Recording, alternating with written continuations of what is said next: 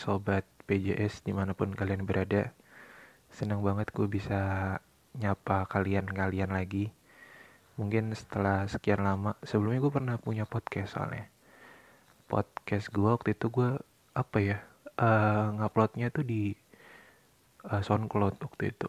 Mungkin karena gue udah lupa akunnya apa Makanya sekarang udah gak tau deh tuh Gimana. Dan gue udah juga jarang Jarang urus juga podcast yang di sana. Makanya gue bikin podcast baru uh, eh, PJS ini. Jadi PJS ini adalah salah satu podcast yang uh, hadir dengan pembahasan yang gak terlalu berat. Karena karena gue seringnya gitu. Gue nggak mau bikin podcast yang yang gue mikir lah. Dan pendengar gue jadi mikir juga. Gue nggak mau. Yang penting gue bikin podcast tuh apa ya? Yang dari segi pembahasannya aja udah udah ringan lah untuk dicerna gitu. Uh, kenapa namanya PJS? PJS itu singkatan. Uh, eh, PJS itu kepanjangan dari podcast jalanin sendiri. Kenapa jalanin sendiri? Karena kalau jalanin berdua, uh, gue ngomongnya sendiri. Kalau jalanin bertiga, uh, gue bukan cabe-cabean. Jadi sebenarnya ada filosofinya gitu. Iya.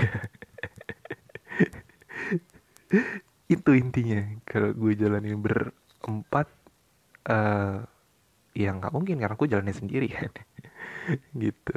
Uh, seperti biasa ya gue kalau bikin podcast itu uh, apalagi episode pertama kan gue tuh pengen menimbulkan kesan yang baik buat para pendengar gue. Besar harapan tuh mereka jadi nggak bosen gitu kan dengerin apa yang akan gue bahas selanjutnya. Karena gitu biasanya kalau episode pertama tuh uh, bikin pendengar senyaman mungkin dengerin apa yang kita bahas di telinganya gitu yang masuk ke telinganya.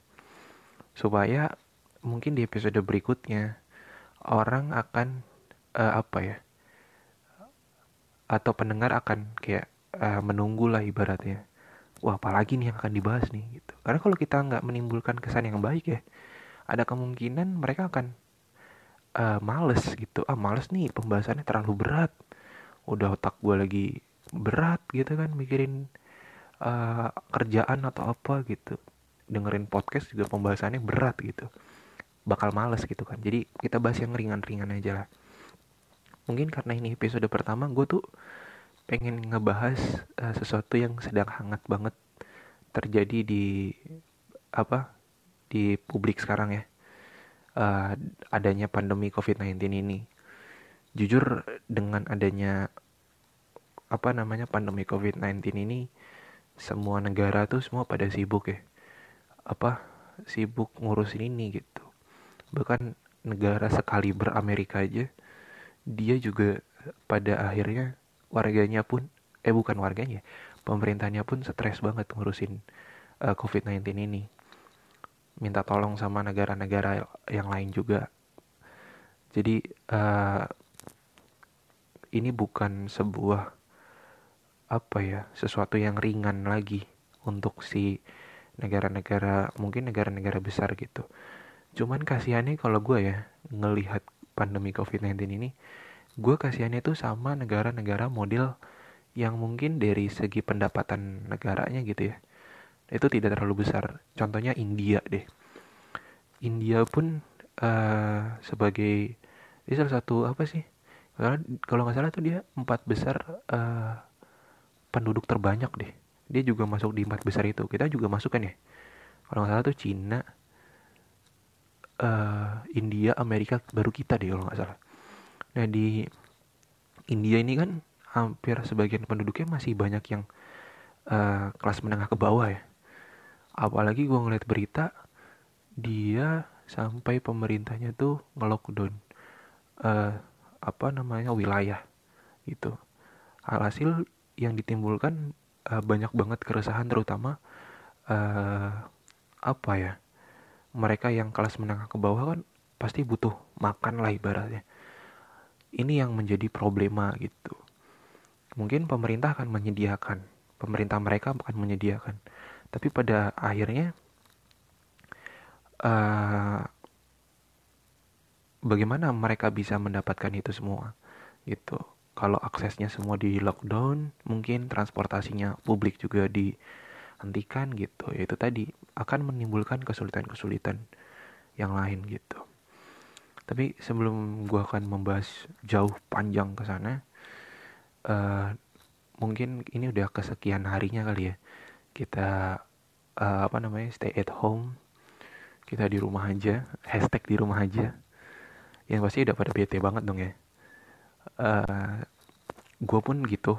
Gue udah kalau mau dibilang bete emang udah pasti bete ya. Kalau mau dibilang suntuk juga gue udah suntuk gitu. Tapi uh, eh, gue punya cara gitu lah untuk untuk bisa apa ya namanya uh, sedikit meringankan rasa bete gue ya mungkin dengan cara seperti ini bikin podcast yang menyenangkan. Supaya uh, mungkin gue karena anaknya doyan ngomong kali ya. Anaknya doyan ngomong selalu pengen cerita. Jadi gue bikin aja podcast ginian. Berharap juga pendengar gue yang bete sama kegiatan uh, stay at home bisa apa ya terselamatkan lah dengan adanya podcast gue yo jadi gue kayak pengen pengen jadi pahlawan kesiangan gitu. Ya pasti bete ya. Apalagi uh, selain stay at home juga mungkin buat para pekerja ada work, work from home ya. WFH lah singkatannya. Repot banget gue kalau ngejelasin panjang-panjang itu maksudnya kepanjangan itu repot ngomongnya. Ya dengan adanya WF, WFH ini kan uh, kita tetap di rumah juga tetap ada kerjaan lah ibaratnya. Ya sebenarnya untuk salah satunya adalah untuk mengusir kesuntukan juga kebosanan juga. Dan WFH ini bukan semata-mata uh, di apa ya yang didapatkan sama pekerja aja tapi sama para pelajar juga mereka dapat WFH ini gitu kan. Bahkan adik gua adik gua kan masih kecil tuh ada satu dia masih SMP itu uh, kebetulan sekolahnya nggak dekat-dekat rumah gitu. Sekolahnya di Jakarta. Karena gue kan gue tinggal di Bogor ya. Nah, dia sekolah di Jakarta pulang tuh eh tinggal sama nyokap sama nenek gue nah karena lagi ada pandemi covid dia pulang ke rumah dengan banyak banget bawa buku. Iya banyak banget bawa buku. Terus gue liatin gue perhatiin tuh uh, tiap hari pasti ada aja yang dikerjain gitu. Uh, positif uh, karena biar nggak apa ya bosen ya. Uh, mungkin dengan gadgetnya mulu atau gimana gitu. Dan nggak punya pikiran untuk ah nggak ada kerjaan nih main ah keluar gitu. Malahan itu yang bahaya kan. Makanya dikasih tugas dikasih tugas mulu tiap hari. Dan gue salutnya uh, dari pihak sekolahnya juga. Mungkin mungkin mengalami kesulitan tapi uh, tetap mereka bisa kerjakan gitu pun sama kayak gue sebagai mahasiswa semester akhir uh, tentu ada WFH juga. Cuman mungkin karena gue semester akhir ya gue menyisakan satu mata kuliah terakhir. Jadi mungkin gue agak ringan karena ya bukan agak ringan sih. Cuman bingung aja ngebedain apa apa namanya kuliah normal sama kuliah WFH ini. Ya karena cuma satu mata kuliah doang gue di semester akhir ini gitu kan. Dan uh, mata kuliah terakhir ini semua masuknya ke e-learning gitu. Jadi belajarnya lewat online juga. Ya nggak jadi masalah sih buat gue cuman jujur buat buat sebagian eh termasuk gue sih ya gue tuh sebenarnya kurang begitu tertarik belajar e-learning. Karena gue tuh tipikal apa ya mahasiswa yang seneng diajarnya tuh face to face jadi ketemu tatap muka kita ngobrol diskusi open diskusi dan lain sebagainya gitu. Ketimbang e-learning karena kalau e-learning kan masih ada kemungkinan buat uh, apa ya nggak pahamnya banyak gitu. Itu sih. Makanya gue mungkin tipe tipikal mahasiswa yang pengennya lebih seneng face to face gitu. Belum lagi dengan ada apa ya gue kebetulan masih semester akhir yang sedang menyusun tugas akhir kan dengan adanya pandemi pand, pandemik dong dedemit kali ya. Dengan adanya pandemi covid-19 ini beneran apa ya membuat uh, tugas akhir gue juga agak berantakan lah. Yang harusnya gue mungkin normal ngejalaninnya bimbingan normal uh, tapi dengan hadirnya pandemi ini kayak semua maunya sulit gitu termasuk bimbingan juga. Akhirnya yang terjadi adalah uh, apa ya mungkin ada penundaan gitu untuk untuk apa namanya kayak bimbingan skripsi dan lain sebagainya. Karena mau mau dipaksa juga bahaya kan gitu. Uh, pasti banyak banget ya yang terjadi dampak-dampak buat uh, termasuk bukan cuma sama gue buat para pekerja harian juga gitu kan. Yang mungkin ngandelin rezekinya dari uh, harian gitu. Ketika apa namanya sedang ada pandemi gini yang terjadi mungkin kayak contohnya apa ya ojol lah ya ojol kayak gojek maupun grab gitu. Dengan adanya pandemi gini pasti mereka agak kesulitan terutama buat orderannya ya kan? Buat orderannya tentunya terus pendapatan pasti berkurang juga. Karena iya itu tadi orang-orang mungkin banyak di rumah gitu. Dan yang pasti agak sulit gitu kan. Belum lagi kayak contohnya uh, karena gue suka olahraga ya. Gue suka olahraga maksudnya suka olahraga dalam artian gue bukan pelakunya gitu. Gue jujur gue kalau sama olahraga agak agak sedikit males. Tapi kalau soal nonton olahraga gue paling seneng gitu. Yang terjadi kayak pemain-pemain sepak bola banyak banget eh, liga-liga uh, di bukan cuma di Indonesia ya tapi di seluruh dunia itu akhirnya ditunda sementara karena ya mau gimana gitu ini kan bahaya. Apalagi kan kalau di apa namanya di sebuah olahraga kan pasti itu tuh apa namanya udah nggak bisa diterapkan social distancing tuh. Karena kan stadion pasti berjubel orang pasti pada di mana mana ada gitu kan rame. Nah daripada sumbernya semakin besar gitu kan ya sumber penyebarannya makanya mengalami penundaan.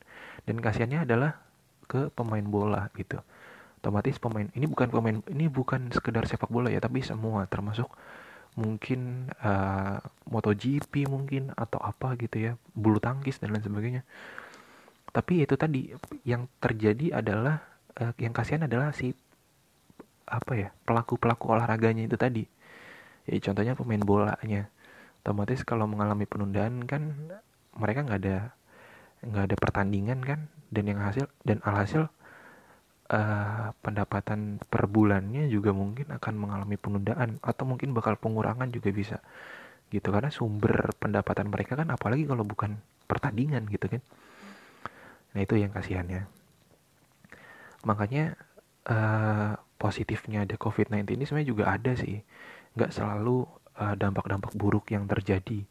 Ya contohnya kayak dengan positifnya ada COVID-19 ini kita jadi ada di rumah apa namanya ngumpul sama keluarga yang mungkin sebelumnya jarang banget kita ngumpul gitu. Mungkin Senin sampai Jumat uh, Sabtu Minggu paling ada di rumah. Pun Sabtu Minggu juga Sabtu ada kemungkinan jalan sama gebetan gitu kan. Terus Minggu juga paling ya dipakai buat istirahat. Jadi jarang banget ya ketemu sama keluarga. Dan dan dan apa ya uh, sulit banget gitu. Nah makanya positifnya ada covid-19 tuh kita selalu di rumah tuh ada kemu uh, apa jadi waktu sama keluarga tuh banyak banget quality time nya gitu kan. Quality time sama keluarganya ya. Banyak banget gitu. Dan dan ngobrol adalah salah satu hal yang yang sederhana yang bisa dilakukan gitu kan. Terus juga mungkin yang Senin sampai apa eh Senin sampai uh, kalau di keadaan normalnya bisa sering keluyuran gitu ya. Mungkin dengan adanya pandemi COVID-19 ini uh, ditunda dulu keluyurannya gitu. Jadi banyak waktu di rumah.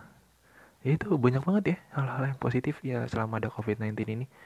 Jadi bukan sesuatu yang menakutkan dengan kata-kata positif COVID-19 doang gitu yang yang yang apa istilahnya menakutkan. Tapi ternyata di balik covid positif covid-19 ini itu juga ada hal-hal yang positif ada covid-19 ini. Itu ada hal-hal yang sederhana yang bisa kita lakukan mungkin bersama keluarga gitu. Karena kembali lagi bahwa pemerintah juga punya upaya gitu ya untuk menghentikan ini semua. Ya dengan dengan kita kumpul sama keluarga itu adalah salah satu upayanya. Upaya untuk apa ya istilahnya uh, memutus mata rantai penyebarannya gitu. Karena mat penyebaran ini udah wah gue nggak tahu deh. Terakhir gue ngeliat per kemarin Senin 6 April itu kalau nggak salah udah ada sekitar 2000-an yang kena. Pastinya berapa tuh gue lupa ya. Pokoknya sekitar 2000-an deh yang kena. Itu kan udah udah banyak banget ya jumlah positif coronanya gitu belum lagi jumlah uh, kasus meninggalnya itu udah hampir 200-an gitu. Dan yang sembuh udah hampir uh, udah masuk ke seratusan lah. Ya lumayan meningkat yang sembuh. Jadi uh, gue sangat appreciate terutama buat uh, gugus percepatan gugus tugas percepatan COVID-19 ya. Uh, Bapak Yuri itu yang sering kom apa sering uh, apa tuh namanya? Press conference ya. Terus juga semua jajaran BNPB yang udah banyak berusaha lah termasuk uh, petugas-petugas kesehatan sebagai garda terdepan uh, gugus tugas percepatan COVID-19 ini. Dan uh, selebihnya gue appreciate banget sama pemerintah ya, Bapak Presiden juga jajaran para menteri. Mudah-mudahan dengan upaya-upaya uh, yang dilakukan ini kita segera bisa uh, apa ya istilahnya melawan si COVID-19 ini dan pergi sejauh-jauhnya gitu kan. Belum lagi apa namanya dari pemerintah juga banyak banget ngasih bantuan-bantuan sosial ya. Yaitu tadi supaya meringankan gitu. Karena uh, jujur ya lockdown itu nggak cocok diterapkan di negara kita. Kalau gue uh, pendapat gue pribadi ya karena ketika lockdown itu terjadi di kita gitu ya atau dilakukan atau diterapkan di kita itu kasihan gitu untuk yang karena kan kita tuh uh, pendapatan pendapatan bukan pendapatan ya lebih ke manusianya ya manusianya ya warganya itu ada pendapatan yang kelas atas ada yang kelas menengah ada juga yang kelas bawah gitu yang bakal menjerit itu akan yang ada di uh, kelas menengah ke bawah gitu itu yang akan sangat menjerit jika ada lockdown gitu kan mereka kan pasti kebanyakan ngandel ini dari pendapatan harian gitu kan. Nah itu tadi makanya ada upaya bantuan sosial dari pemerintah ini harus dimanfaatkan betul, terutama untuk uh, apa warga yang mempunyai pendapatan kelas menengah ke bawah gitu. Susah sangat apa ya sangat susah sekali diterapkan uh, lockdown lockdownan itu yang diterapkan di negara lain gitu. Terus diterapkan di uh, kita gitu kan. Kayak tadi yang pertama gue bahas yang soal di India itu. Belum lagi di Amerika di New York ya yang sangat uh, sangat apa ya besar dampaknya. Bahkan uh, gubernur New York karena kan mereka negara bagian ya. Gubernur apa wali kota ya? Gue lupa gitu bikin statement kalau mereka nggak akan ada lockdown lockdownan gitu. Bahkan sekali ber Amerika aja mereka nggak ada lockdown lockdownan. Karena itu tadi uh, sesuai ciri khas masing-masing negara gitu. Kita nggak bisa sama-sama ikut-ikutan tuh nggak bisa gitu. Uh, bahkan Korea Selatan aja mereka nggak pakai lockdown lockdownan. Tapi uh, apa namanya cara melawannya mereka jauh luar biasa gitu kan kayak mungkin ada tes juga sih mereka. Gue nggak tahu pastinya tapi gue ngeliat di berita kalau Korea Selatan aja nggak pakai lockdown lockdownan gitu. Makanya Pak Presiden kemarin ngumumin uh, eh, PSBB ya. PSBB itu gue salut sih sama PSBB ini karena kan nggak matiin pendapatan masyarakat juga kan pada akhirnya. Kalau uh, eh, PSBB itu apa sih? Pembatasan apa ya kepanjangannya itu? Gue lupa. PSBB itu uh, pembatasan sosial berskala besar. Jadi uh, itu tadi mungkin tetap ada bantuan sosial dari pemerintah terus juga mungkin uh, buat para pekerja juga nggak ya walaupun dibatasi ya mereka nggak nggak dihentikan atau ditunda sementara untuk nyari uangnya gitu. Itu tadi gitu. Ada keringanan keringanan lah yang yang apa yang di diterapkan di negara kita gitu. Kembali lagi mungkin kalau lagi ada pandemi gini selain selain hal-hal yang menakutkan yang terjadi itu yang sering terjadi sebenarnya uh, hoax ya. Gue sangat sangat apa ya sangat istilahnya nggak antusias banget bukan antusias nggak antusias ya sangat kesal banget ketika hoax hoax bermunculan kayak lu tau nggak sih banyak banget gue pas minggu-minggu pertama corona muncul ya itu tuh uh, eh, gue sering banget dapat video-video entah dari mana sumbernya nggak jelas dari WAG WAG ya. Uh, video-video dari WAG itu banyak banget yang nge-share nge-share kayak orang pingsan di jalan di video terus disangka kena corona. Kayak waktu itu gue juga sempet pas dua minggu sebelum pemerintah pada akhirnya uh, apa namanya w apa meng, disuruh w, WFH gitu ya stay at home ya. Itu gue sempet datang ke kondangan uh, sepupu gue kondangan keluarga gue dan waktu itu gue naik kereta ceritanya. Pas gue naik kereta di stasiun gue berhenti ada satu perempuan pingsan. Gue rasa uh, mungkin dia kecapean gitu. Kayaknya sih kecapean karena ya gue corona tuh nggak ada yang bikin mendadak pingsan gitu nggak ada. Gitu. Kayak langsung tiba-tiba bruk ambruk tuh nggak ada. Mungkin nyesek ada di dada gitu kan. Kalau misalkan untuk uh, apa ya apa kalau yang kena corona gitu ya. Misalkan dadanya jadi nyesek tapi nggak bikin langsung ambruk seketika gitu nah ketika uh, orang-orang yang mungkin ambruk uh, seketika gitu terus akhirnya ada tangan-tangan jahil lah ya ngevideoin seolah-olah nih mungkin kena corona gitu. Dan benar ketika gue turun di stasiun yang gue tuju gitu orang yang pingsan si mbak-mbaknya ini ada tangan jahil-jahil yang ngerekam-rekam. Dan yang terjadi di share ke grup-grup uh, WhatsApp gitu ya termasuk gue dapet gitu. Gue sampai akhirnya nge apa ya uh, ngelarang untuk nge-share nge-share kayak gitu lagi. Ada satu temen gue yang gue larang gitu. Karena kita kan nggak tahu kondisinya kayak apa. Jadi jangan uh, seolah-olah uh, apa ya pokoknya intinya jangan nge-share sesuatu yang sebenarnya lo nggak tahu kejadiannya kayak gimana gitu smartphone ini memang sedihnya adalah uh, masih banyak orang-orang yang nggak smart makainya gitu. Harusnya dengan adanya smartphone tuh ya uh, orang-orang harus smart lah istilahnya untuk untuk menggunakannya gitu.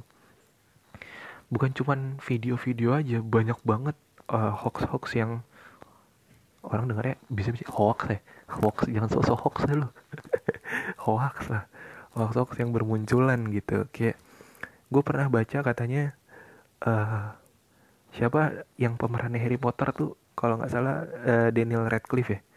Itu katanya positif corona.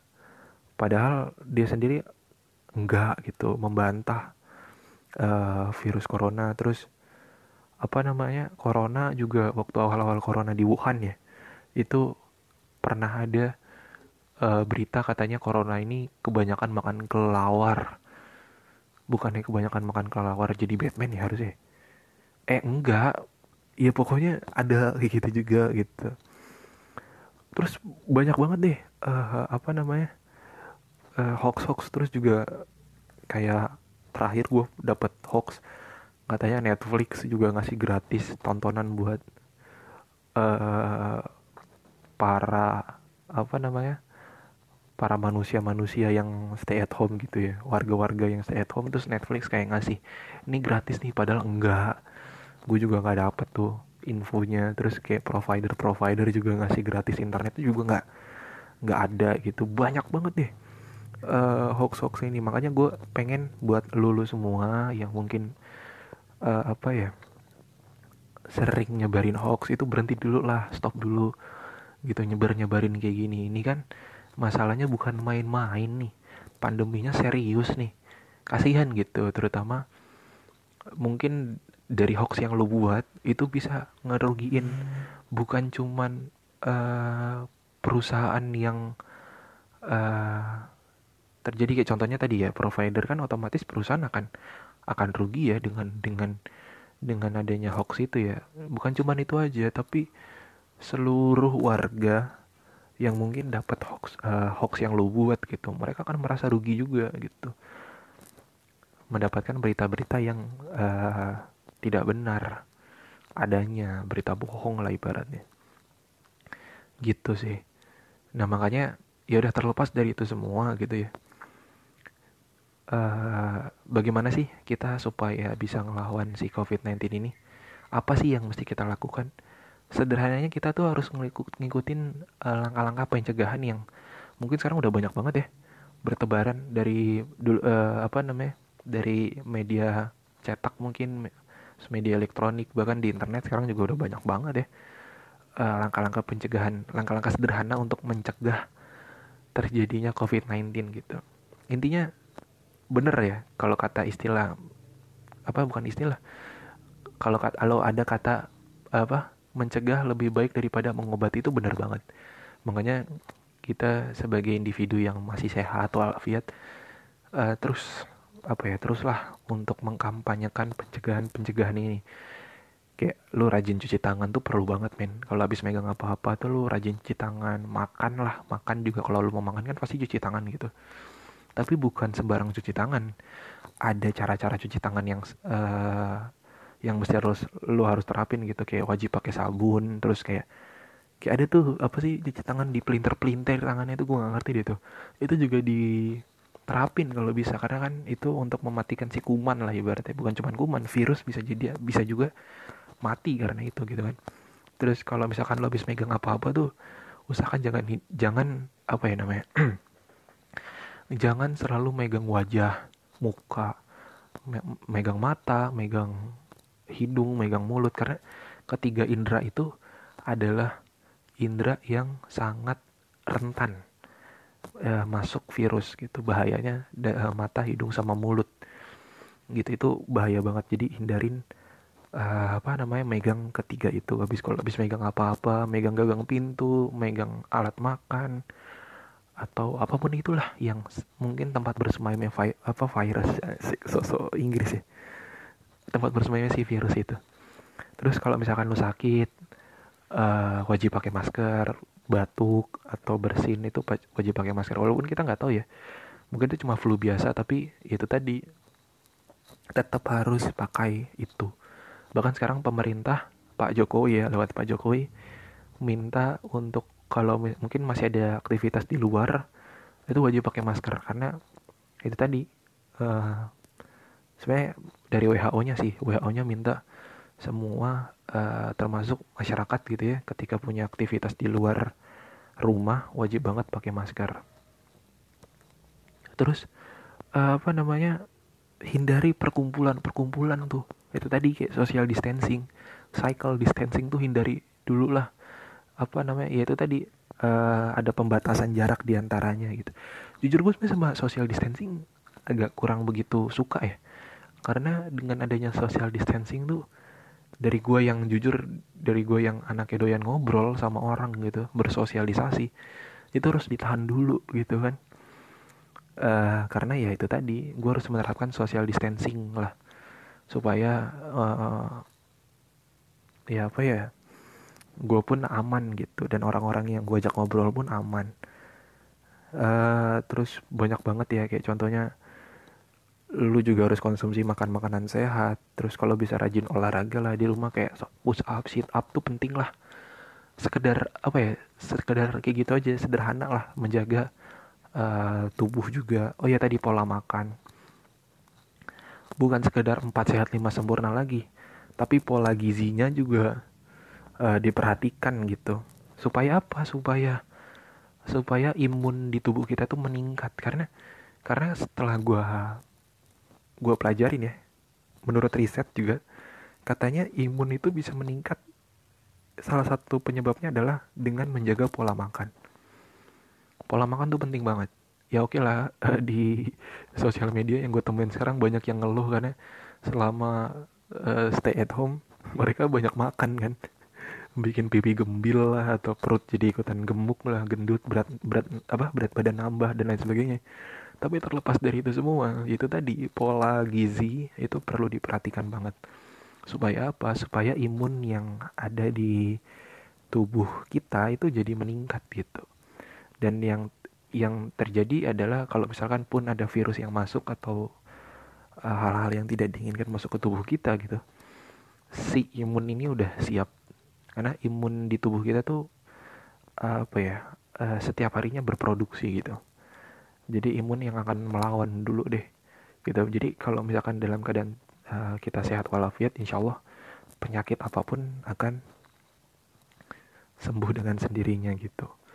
Ya mungkin itu aja kali ya pembahasan kita di episode pertama ini. Mudah-mudahan lu nggak bosan dengarnya dan mudah-mudahan akan ada episode-episode lain yang akan gue bahas gitu. Intinya dari pembahasan gue ini kita mudah-mudahan uh, selalu diberikan kesehatan stay safe semuanya. Di mana pun kalian yang sekarang lagi dengerin podcast gue sehat-sehat terus. Yang itu tadi lakukan pencegahan yang tadi gue udah bilang itu juga. Dan ya mudah-mudahan covid-19 ini segera selesai wabah ini segera selesai karena gue pengen kembali lagi ke kehidupan normal gue gue mau ngurusin skripsi gue juga gitu kan. Dan gue juga buat orang yang sering banget nonton olahraga kayak gue juga uh, udah bete banget ya tontonannya nggak ada lagi gitu. Paling kita nonton YouTube kalau mau nonton acara-acara olahraga, olahraga. Itu juga acara olahraga yang udah pernah tayang gitu kan supaya mengusir kebosanan sih pada akhirnya. Ya mudah-mudahan segera berakhir. Eh, anak-anak uh, juga bisa sekolah lagi uh, mungkin para ojol-ojol juga bisa um, apa menyambung hidupnya dengan normal kembali yaitu tadi. Mudah-mudahan semuanya uh, termasuk yang sakit segera disembuhkan. Terus masuk udah stop lah yang positif positif ini. Udah nggak usah ada yang positif lagi karena gue kayak ngerasa kasihan aja gitu yang positif uh, selalu ada gitu. Dan terutama buat kalian yang sering nyebar nyebarin hoax buat stop dulu. Udah nggak usah nyebar nyebarin hoax kasihan gitu terutama buat korban. Kayak kemarin kan korban aja ada yang korban meninggal aja. Bahkan uh, ada yang sulit untuk dikebumikan karena banyak banget penolakan-penolakan. Itu juga mungkin salah satu dampaknya karena lu nyebarin hoax gitu. Padahal mereka petugas kesehatan kalau ada korban meninggal mereka uh, sudah melak apa ya kayak udah dibungkusnya tuh udah sedemikian uh, aman gitu. Makanya ada timbul rasa takut tuh ya karena mungkin mereka mendapatkan berita-berita yang model lu gitu yang nyebar-nyebarin hoax. Jadi gue pengen lu yang suka nyebarin hoax nih ya. Buat lu yang gak nyebarin mah udah nggak usah dengerin gitu. Tapi buat lu yang suka nyebarin ini sangat uh, berdampak banget ke kehidupan sosial. Jadi stop untuk nyebar-nyebarin hoax. Mungkin itu aja kali ya pembahasan dari gue mungkin uh, nanti kita akan bahas sesuatu yang menyenangkan kembali. Udah itu aja kali ya. Terima kasih. Udah mau dengerin uh, podcast gue ciao